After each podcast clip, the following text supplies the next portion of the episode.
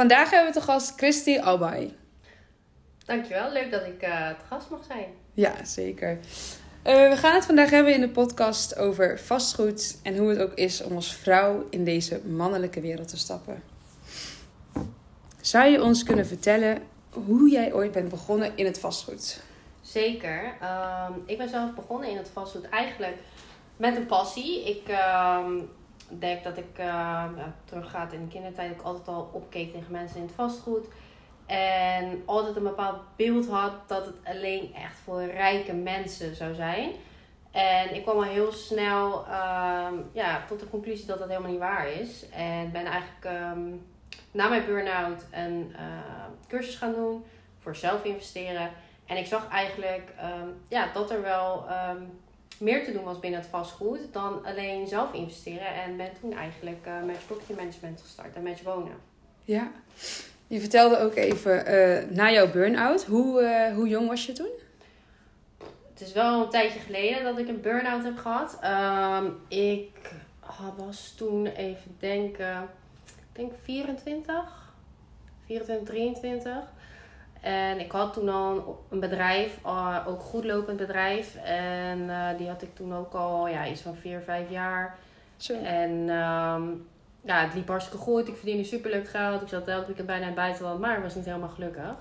En um, ja, toen op die leeftijd heb ik dat gehad. En wel ja. best wel snel toen ik het herkende uh, dat het... Uh, ja, binnen twee weken was het eigenlijk wel een soort van weg. Maar ja, de erkenning dat je het hebt, duurde heel lang, zeg maar. Ja. Dus in die vier, vijf jaar, je had wel een succesvol bedrijf. Je werd er alleen niet gelukkig van. Ja. Um, en hoe ben je toen die stap gaan zetten naar het vastgoed? Wat, uh, welk, wat fascineerde jou zo in het vastgoed? Um, wat mij het meest fascineerde is dat het um, ja, toch wel een soort van. Het had altijd wel iets van status en macht. En ik vond dat super interessant. En het wordt altijd met vrijheid geassocieerd, met ja. rijkdom. En ja, ik vond het altijd wel interessant. En ja, toen ik dus net uit de burn-out kwam, was ik echt nog een beetje zoekende van, hè, wat, wat wil ik nou? En um, ja, toen rolde ik in een cursus en dacht ik van, ja, dit is wel echt uh, iets uh, wat ik voor mezelf voor de langere termijn zie doen. Ja, mooi. En die visie is nou, uh, is, heeft uitgerold tot Match Properties. Ja. Um, inmiddels begeleid jij ook uh, mensen. Dus heb jij zelf ook volgens mij cursus opgebouwd. Ja, klopt. Uh, wat vind je nou echt het leukste aan het vastgoed? Um, wat ik persoonlijk het leukste vind aan het vastgoed is dat het heel erg uh, gevarieerd is. Dus het is, je hebt heel veel verschillende takken van het vastgoed. En als ik zeg maar kijk naar mezelf als ondernemer zijnde binnen het vastgoed, vind ik het heel leuk dat je eigenlijk al met niks iets kan maken. Dus je kan heel low-key instappen in het vastgoed, terwijl je toch wel vaak een beeld hebt van, oh, dat is alleen voor rijke mensen of je moet heel veel geld hebben. Um, maar dat is dus eigenlijk helemaal niet waar. En dat vond ik heel fascinerend aan het vastgoed. En ook dat er zoveel opportunities zijn om daar iets in op te bouwen. En ook een passieve cashflow op te bouwen. Ja. Um, ik denk dat veel mensen dat zo aanspreken, die passieve cashflow. Uh, zullen we daar wat dieper op induiken? Ja, dat lijkt mij, uh, dat lijkt mij tof. Ja. Hoe ging jouw eerste project? Um, nou, mijn eerste project um, ging eigenlijk um, in dealfinding. Ik moet zeggen, ik heb, ik heb cashflow, of ja, cashflow, mijn eerste stukje vermogen opgebouwd met dealfinding. en dat, uh, dat deed ik eigenlijk puur om ook heel veel te leren. Dus wat ik toen deed, uh, ik zocht deals. En die bood ik dan aan aan investeerders. Daar verdiende ik toen de tijd een fee op van uh, 5000 euro, exclusief BTW. Um, en daarmee bouwde ik dus wat op. En dat heb ik eigenlijk allemaal doorgeïnvesteerd in Match Property Management. Um, en daar een redelijk passieve cashflow mee kunnen opbouwen. Ja. Uh, en even voor de luisteraars, um, nou, dealfinding. Misschien willen we dat even wat gespecificeerder uitleggen. En ook, wat is uh, ongeveer een, de termijn ervan voordat jij een deal vindt? Ja, ik denk dat het heel erg afhankelijk is van je eigen inzet. Um, ik had zeg maar de, de cursus gedaan, die duurde ongeveer zes weken.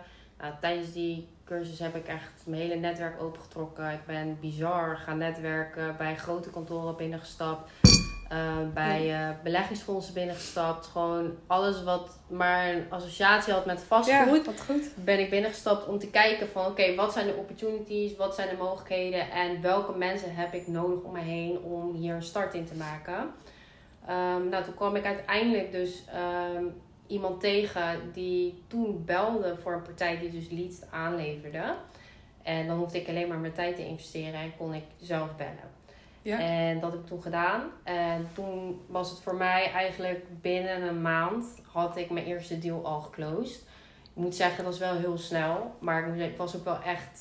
Uh, je was echt dedicated. Ja, ja, en ik wilde het ook echt, echt doen. En ik, ja, je manifesteerde het gewoon. En ja, ik denk dat als ik bijvoorbeeld kijk in de praktijk. Ik, ik heb ook veel mensen gecoacht hierin. Het vastgoed verkopen is lastiger dan normale sales. Uh, want het is heel erg uh, op vertrouwen. Dus mensen moeten ook het gevoel hebben dat ze je kunnen vertrouwen. Want het gaat natuurlijk niet om een boek of een beker of een meubel of iets. Het gaat echt om een woning. En dat is vaak wel het grootste bezit dat iemand heeft. Dus dat had ik zelf ook wel snel door. En ik ben niet een sales, salespersoon. Ik heb wel een sales achtergrond. Uh, maar ik kijk altijd naar een win-win situatie. Kan ik iets voor iemand betekenen? Uh, ja of nee? En ik denk dat dat mij heel erg heeft geholpen met het sluiten van mijn eerste deal toen de tijd. Maar als ik kijk naar andere mensen die ik heb gecoacht, uh, sommige mensen die heel erg gefocust waren en het heel graag wilden, hadden heel veel moeite. Uh, maar er zijn ook uh, een paar dames geweest die ik heb gecoacht die wel deals hebben verkocht. Um, dus ja, ik denk dat het net daaraan ligt. En ik moet ook zeggen dat een van de dames ook heel erg betrouwbaar overkomt. Dus ik denk ook echt dat dat wel een hele grote rol daarin meespeelt. Ja, dat denk ik zeker. Uh, er is zeker geen juiste aanpak, maar uh, ja, zoals jij het vertelt, ik denk dat luisteraars er zeker wat aan hebben. Um, het is zeker geen makkelijke markt. Voor veel mensen is een huis inderdaad een safe space. Ja. Um, dus er zitten ook wel veel risico's aan.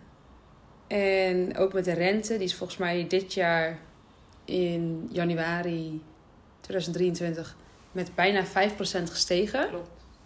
Dat is behoorlijk wat. Um, hoe behoud je dan nog steeds ja, tevreden klanten? Hoe kan je dan nog steeds woningen verkopen? Um, nou ja, het, het ligt natuurlijk geheel aan wie is jouw doelgroep. Als ik zeg maar kijk naar onze doelgroep in de beleggerskant, is het natuurlijk belangrijk dat je of een cashflow eruit haalt of dat je een waarde kan toevoegen.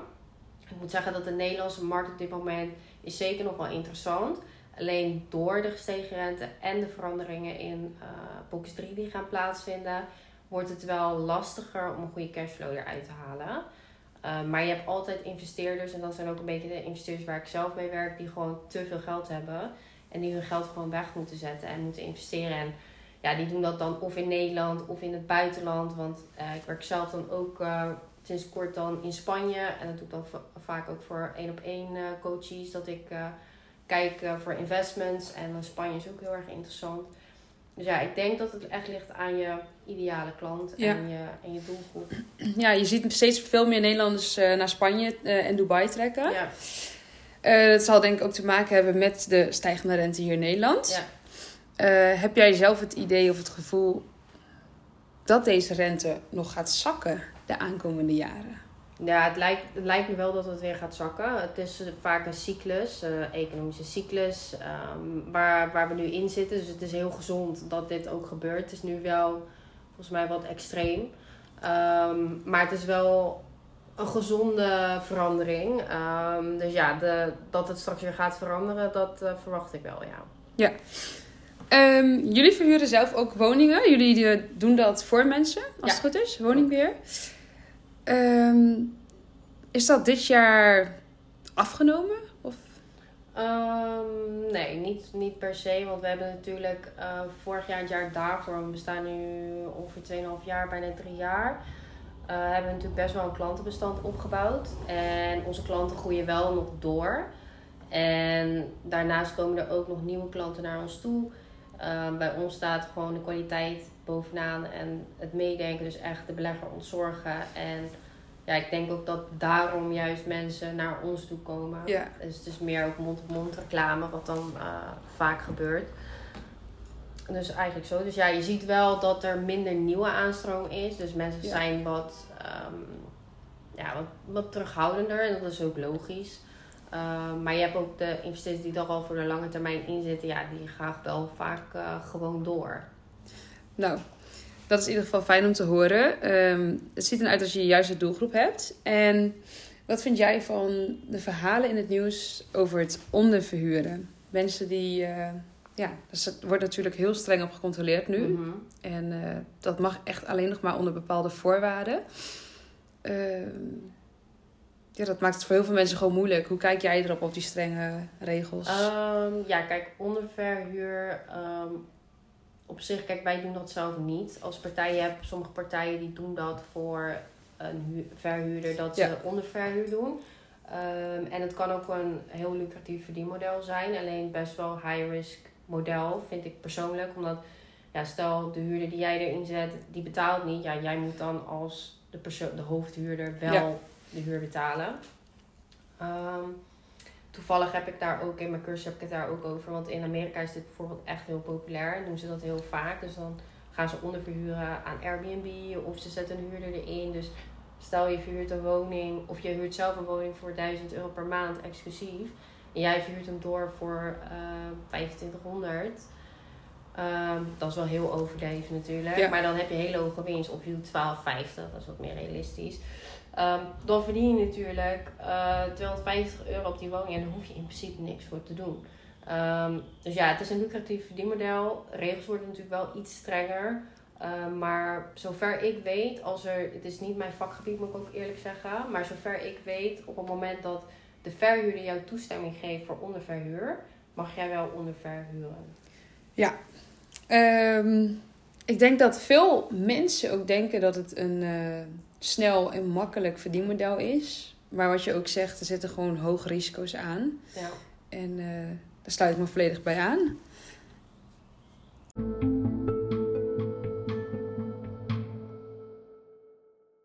Doe jij zelf aan een bepaalde huurdersscreening?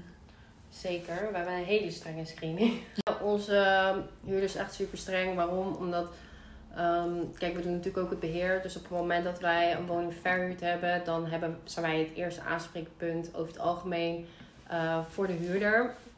En ja, onze dames die dit verzorgen, daar willen wij natuurlijk wel gewoon een, uh, een, een, een, fijne werkomgeving voor creëren. Dus een huurder wordt vaak gescreend eigenlijk op alles wat we kunnen screenen. Dus op het eerste moment leveren ze altijd eerst hun documenten aan. En um, nou, als dat goed is, dan mogen ze bezichtigen. En op het moment dat uh, bezichtigd is en ze hebben interesse, nou, dan kiezen we de beste uh, en fijnste uh, kandidaat uit.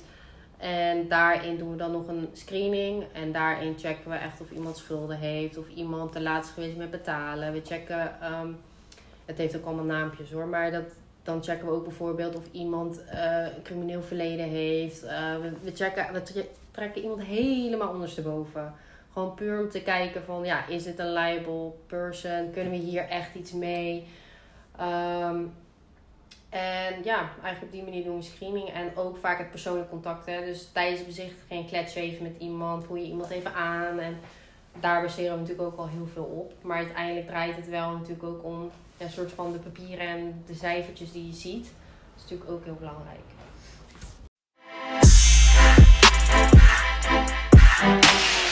Dat is een hele waslijst aan het screenen van uh, verhuurders. Klopt. En ik denk ook zeker nodig. Um, is er in het uh, verhuren wel eens iets misgegaan? Iets waarvan je denkt, dit had ik niet zien aankomen? Of... Um, in de verhuur, ja, er zijn wel eens uh, um, dingen, ja, niet, niet per se van ons moet ik zeggen. Wat, wat ik wel heb meegemaakt een paar keer is dat we bijvoorbeeld een portefeuille overnemen van iemand. En dat er dan bijvoorbeeld ja, bepaalde huurders in zitten die, die heel vervelend zijn en heel lastig. En um, die niet betalen of die er een zootje van maken. Of soms dat de politie zelf langskomt. Dat, en wij zijn het aanspreekpunt, dus wij worden vaak gebeld. Ja. dus dat zijn wel dingetjes die daarbij komen kijken. En ja, qua verhuur heb ik één keer iets meegemaakt. En dat was met een uitcheck. En dat was ook de eerste dag van mijn collega Danique. Ehm, dat ze echt zeg maar ging verhuren zelf. En ik was met haar meegegaan naar een woning in Rotterdam. En dat was dus een huurder die niet via ons erin was gezet, maar via een andere partij. Nou, die partij staat ook best wel slecht aangeschreven onder de beleggers. En we hadden al best wel slecht contact met alle huurders daar. En uh, dus wat er gebeurde, wij gingen daarheen en die jongen die wilde er niet uit. Nou, wij staan daar als twee meiden op onze hakken. Uh, uh, niet uh, super sterk of zo. En wij moesten natuurlijk die meneer uitchecken. Maar dat was een hele grote meneer. en die wilde ook echt niet weg. En hij begon ook best wel bedreigend voor ons te staan. En bedreigende dingen te zeggen. Hij had zelfs een heel groot gereedschap in zijn hand. Zo heftig.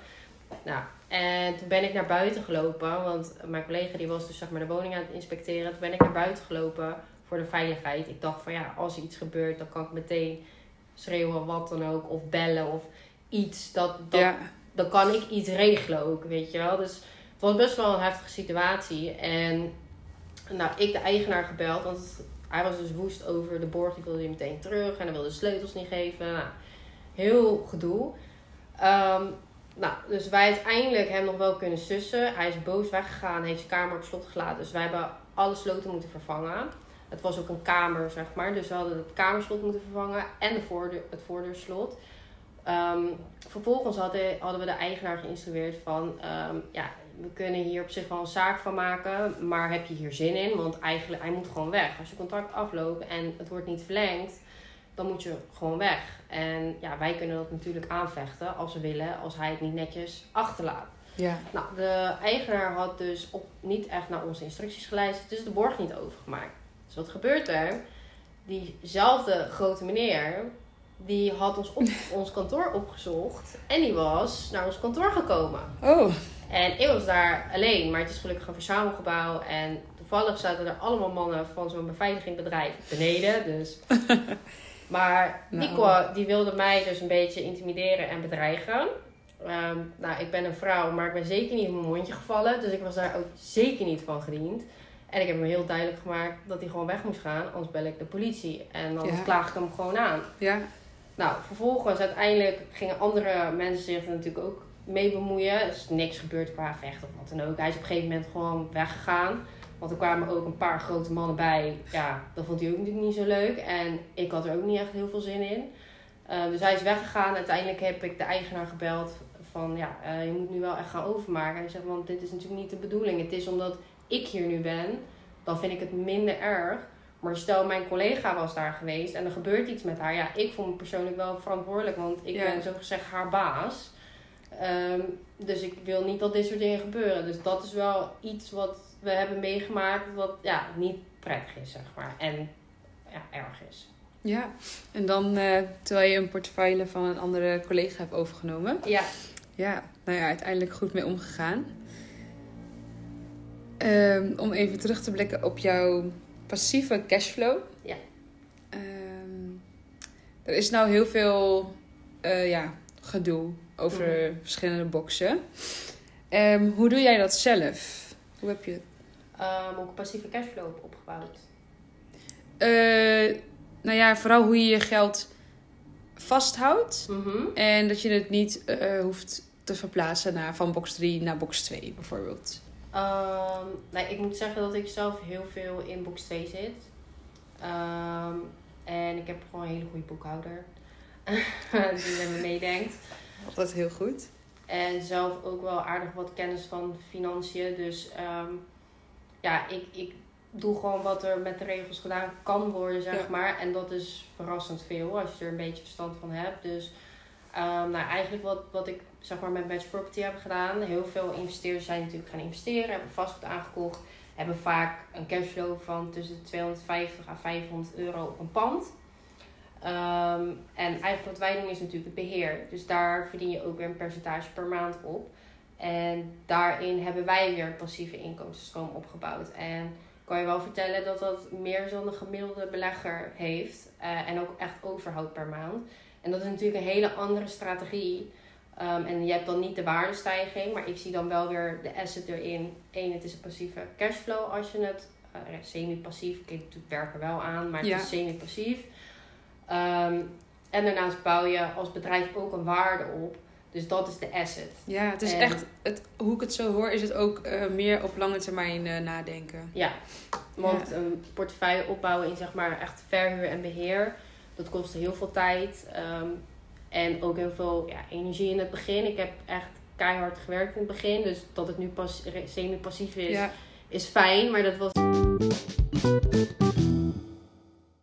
ongeveer twee jaar geduurd voordat het echt passief ehm, is. En ja, het heeft gewoon mee te maken dat we in het begin heel erg hebben gefocust op ehm, het bouwen van software. Mhm. En de software, ja, dat heeft gewoon superveel tijd gekost. En energie om al die processen goed te laten verlopen. Zorgen dat het allemaal goed op elkaar aansluit. eh, dat het ook heel veel geautomatiseerd wordt. En Ja. ja. nu staat dat eigenlijk. En ben je daar niet meer mee bezig. En is dat gedeelte redelijk passief. En de processen daaruit hebben we ook gewoon eh, ja, dames eh opzitten die, die dat uitvoeren. In die zin eh, is dat passief geworden. Dus dat is wel echt super tof. ja, je hebt wel heel wat opgebouwd eigenlijk zo, Ja, sinds dat je bent begonnen. Het is leuk om te horen. En ehm, ook vooral leuk om te horen vanuit een ja, vrouwelijke investeerder die dan in het vastgoed zit. Ehm, ja, wat zijn dingen waar jij, wat voor jou heel anders was, omdat het natuurlijk wel een mannelijke wereld is, waarvan je dacht, hmm, hier loop ik wel tegenaan. Of misschien was het nu makkelijker geweest als ik een man zou zijn. Of misschien komt het nu juist in mijn voordeel dat ik een vrouw ben.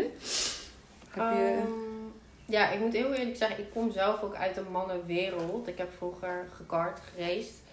Toen ik jong was, het is een mansport. Dus ik, ik Ja, heb toen leuk. altijd al eh, met mannen gezeten, omringd geweest. En ik moet zeggen, een vrouw in een mannenwereld is in mijn ogen echt een voordeel. Ehm, mannen die zijn heel direct, vind ik altijd. En ik hou daar echt heel erg van. Dus ik vind het alleen maar fijn. Ehm, en ja, tuurlijk. ehm, in het begin zijn mensen misschien een beetje sceptisch. Of eh, dan denken ze van, oh Ja. ja, wat, wat kom jij hier nou in één keer doen?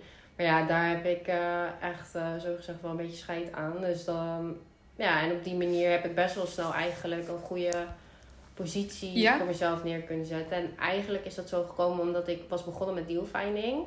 En ik had op een gegeven moment een soort van gouden formule gevonden voor een funnel. Dus ik had de funnel zelf eh, gebouwd die heel goed liep, waar ik heel veel goede leads uithaalde. En ja, daardoor kon ik de, heel veel waarde geven aan investeerders. Dus mensen namen mij best wel snel serieus. Omdat ik wel gewoon met waarde kwam. En ik heb ook gewoon mijn normen en waarden. En ik ben daar echt heel strikt op. Dus ik handel ook gewoon ethisch. En ik denk dat dat binnen het vastgoed niet altijd zo is. Dus als je zeg maar kind mensen tegenkomt die ook zo werken binnen het vastgoed, kan je heel snel groeien. Ja, En het zijn dan over het algemeen wel mannen, maar ik moet zeggen dat het voor mij niet in mijn nadeel heeft gewerkt. Ja. en ehm, sinds wanneer ben je nou begonnen met investeren in, eh, in Spanje? Ehm, nou, ik heb nog niet geïnvesteerd in Spanje. Ehm, maar ik ben wel op zoek nu in Spanje. Ik heb nu een paar connecties in Spanje waar ik ook echt een samenwerking mee aanga. Eh, dus die doen dan nieuwbouwprojecten en ehm, ja, ook gewoon al bestaande bouwverkoop Ja. voor eh, vakantieverhuur. En daarin eh, begeleid ik bijvoorbeeld ook, eh, met mijn coaching doe ik ook bijvoorbeeld mensen begeleiden die echt willen investeren. Ik heb nu bijvoorbeeld een hele succesvolle dame, directrice bij bank. Nou, die heeft aardig wat centjes en die wil dat dan gaan investeren. En dan help ik haar bijvoorbeeld Ja. ehm, met de juiste investeringen aankopen. En ik ben voor mezelf ook op zoek eh, nu in Spanje. Ehm, maar dan ook iets voor mezelf. Ik zit eraan te denken, bind me er niet aan vast om daar te gaan wonen. Ehm, dus daar ben ik ook een beetje voor mezelf aan het kijken. En ook eh, om zelf te investeren. Nou, mooie toekomstplannen. En ehm, aan welk gedeelte van Spanje denk je vooral? Denk je aan eh, het zuiden? Of... Ik denk nu, ik was laatst dan op een plaatsje en dat zat tussen Marbella en Malaga in. Nou, dat was echt Ja. geweldig. En het is, het is gewoon lekker rustig. En ik dacht altijd dat ik een stadsmens eh, was. Nou, ik woon hier ook in de stad. Daarom hoor je tijdens de podcast misschien ook soms een beetje achtergrondgeluid. Ja. Ehm, maar ja, toch als ik dan in de natuur ben en met mooi uitzicht, met zee. ehm, Ja, en palmbomen denk ik van ja, nee, dit, dit is toch wel iets wat, eh, wat beter bij me past. Dus echt een beetje aan de kust en dan Ja. richting Malaga, omgeving, daar die kant op. Ja, in de drukte kan je opzoeken. Ja, die kan je weer Marbella. opzoeken. Ja. Klinkt heel leuk. Alleen het lijkt me ook ehm, ja, de, spannend om in Spanje naar een notaris te gaan en om daar alles goed dan te regelen. Ja, Maar eh, we gaan zien wat de toekomst eh, jou brengt en waar je, waar je zult zijn. ja. En als jij eenmaal in Spanje zit, zou jij jouw bedrijf dan nog wel door laten gaan vanuit Nederland? zeker. Ja, waarom niet? Ja. Ehm, dat zou ik zeker door laten gaan. Dat kan natuurlijk vanuit eh, everywhere. Kan vanuit Ja. elk land kan je dat natuurlijk doen. Ehm, en ik zou in Spanje wellicht dan ook misschien daar activiteiten gaan doen eh, Ja. binnen het vastgoed. Puur omdat ik het gewoon, eh, vastgoed blijft gewoon wel echt een ding wat ik heel leuk vind. Of dat nou hier is of in Spanje of eh, ergens in een ander land. Ik denk dat, ja, er zijn wel andere wet en regelgeving natuurlijk. Ja, Maar ehm, ja, als je daar toch gaat, soort van gaat settelen of veel gaat zijn, dan kan je natuurlijk altijd nog ehm, kijken of je daar nog business kan doen. Ja. Ehm, wat ik zo weet vanuit Spanje is ehm, dat je 80% kan financieren als jij daar woonachtig bent. Klopt. Ehm, lijkt, ga je, zoek je dan eerst een huis wat je gaat huren? Of zou je meteen een, daar willen kopen en het liefst daar meteen gaan inschrijven? Nou ja, dat ligt een beetje eraan. Ehm, misschien dat ik het wel koop, maar dan zonder financiering. Ehm, en dat je dan later, dus kan je het altijd nog, zeg maar, financieren. Ja, Dus want op die manier. 30% is in Spanje eigen geld, als het goed is. Ehm, ja, wat ik heb begrepen is, zeg maar, als je inwoner bent, eh, is het vaak 80-20. Ja. En daarin kijken ze ook ehm, nou, wie je bent, hoe oud je bent, eh, waar komt je geld vandaan. Ja. Dus het werkt heel. Klopt. Het werkt wel een beetje anders dan in Nederland, eh, eh, wat ik had begrepen. En kijken ze ook echt naar je leeftijd en Ja. dat soort dingetjes. Ehm, en als je, stel je komt vanuit het buitenland, dus je bent woonachtig in Nederland. En je koopt daar iets aan voor de verhuur of eh, voor jezelf, dan is het geloof ik eh, 50-50. Ja. Dus dan betaal je 50% eigen inleg. Wat ik, eh, wat ik zo heb begrepen van iemand die daar wel vastgoed heeft. Leuk. Heel erg interessant. En het ging van burn-out tot aan passieve cashflow. Tot aan moeilijke huurders. En ehm, mochten jullie nog meer vragen hebben, stel ze gerust in deze podcast. En eh, wie weet komt er een vervolg. En we kijken heel erg uit naar de toekomst. En wie weet komen we hier op zoek in Spanje. Lijkt me hartstikke leuk. Ik ben van harte welkom. Dankjewel voor je aanwezigheid. Bedankt.